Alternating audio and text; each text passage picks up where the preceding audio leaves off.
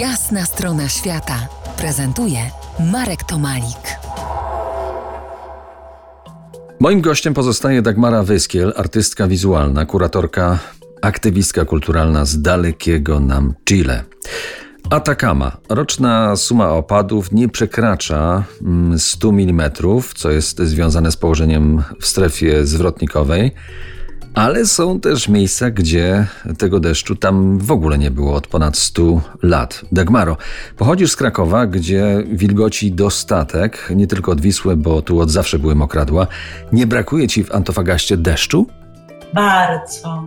Bardzo, bardzo, bardzo. Czasami śnię o deszczu. Jak przyjeżdżam do Europy, to czekam na pierwszą deszczową noc i wtedy zawsze śpię z otwartym oknem i słucham. I to jest rozkosz, to jest najcudowniejsza muzyka dla mnie.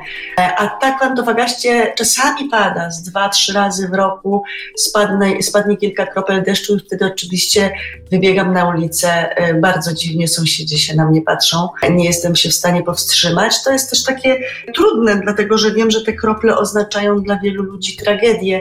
Tam się w biednych dzielnicach buduje z, z myślą o tym, że nigdy nie będzie padało. W związku z tym no była kiedyś zresztą wielka powódź 30 lat temu. Pół miasta spłynęło z błotem z gór do, do oceanu. No właśnie, to wszystko jest bardzo skomplikowane. Antofagasta, ale i cała pustynia Atacama leżą nad oceanem, nad wielką wodą, ale jest winowajca tej, tej suszy, bo to jest obszar tej pustyni Atacama, pozostaje pod wpływem wpływem zimnego prądu peruwiańskiego, który też idzie wodą.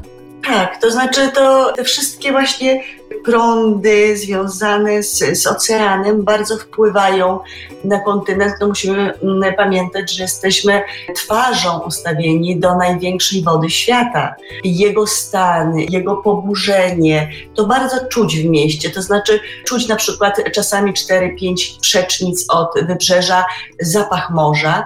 Można się uczyć interpretować, jakie są fazy właśnie prądów, wiatrów. To jest niesamowite. Człowiek myśli, że to może tylko dla, dla marynarzy, czy dla rybaków, dla jakichś znawców wilków morskich, którzy tam żyją, a tutaj się zaczęłam właśnie przyzwyczajać i y, odczytywać tego typu znaki. No to popatrzmy jeszcze przez chwilę przynajmniej w niebo. Y, nasze polskie obserwatorium astronomicznym zostało otwarte tam chwilę temu, 28 listopada. To znaczy ono zostało otwarte kilka miesięcy temu. Ostatecznie tak właśnie ta, y, takie otwarcie oficjalne jest związane właśnie z, z, tym końcem listopada, aby już od początku grudnia mogły tam y, prowadzić oficjalnie badania. W tym momencie jest budowane międzynarodowe obserwatorium, a nasze obserwatorium polskie jest właśnie naprzeciwko tej wielkiej, gigantycznej zupełnie budowy.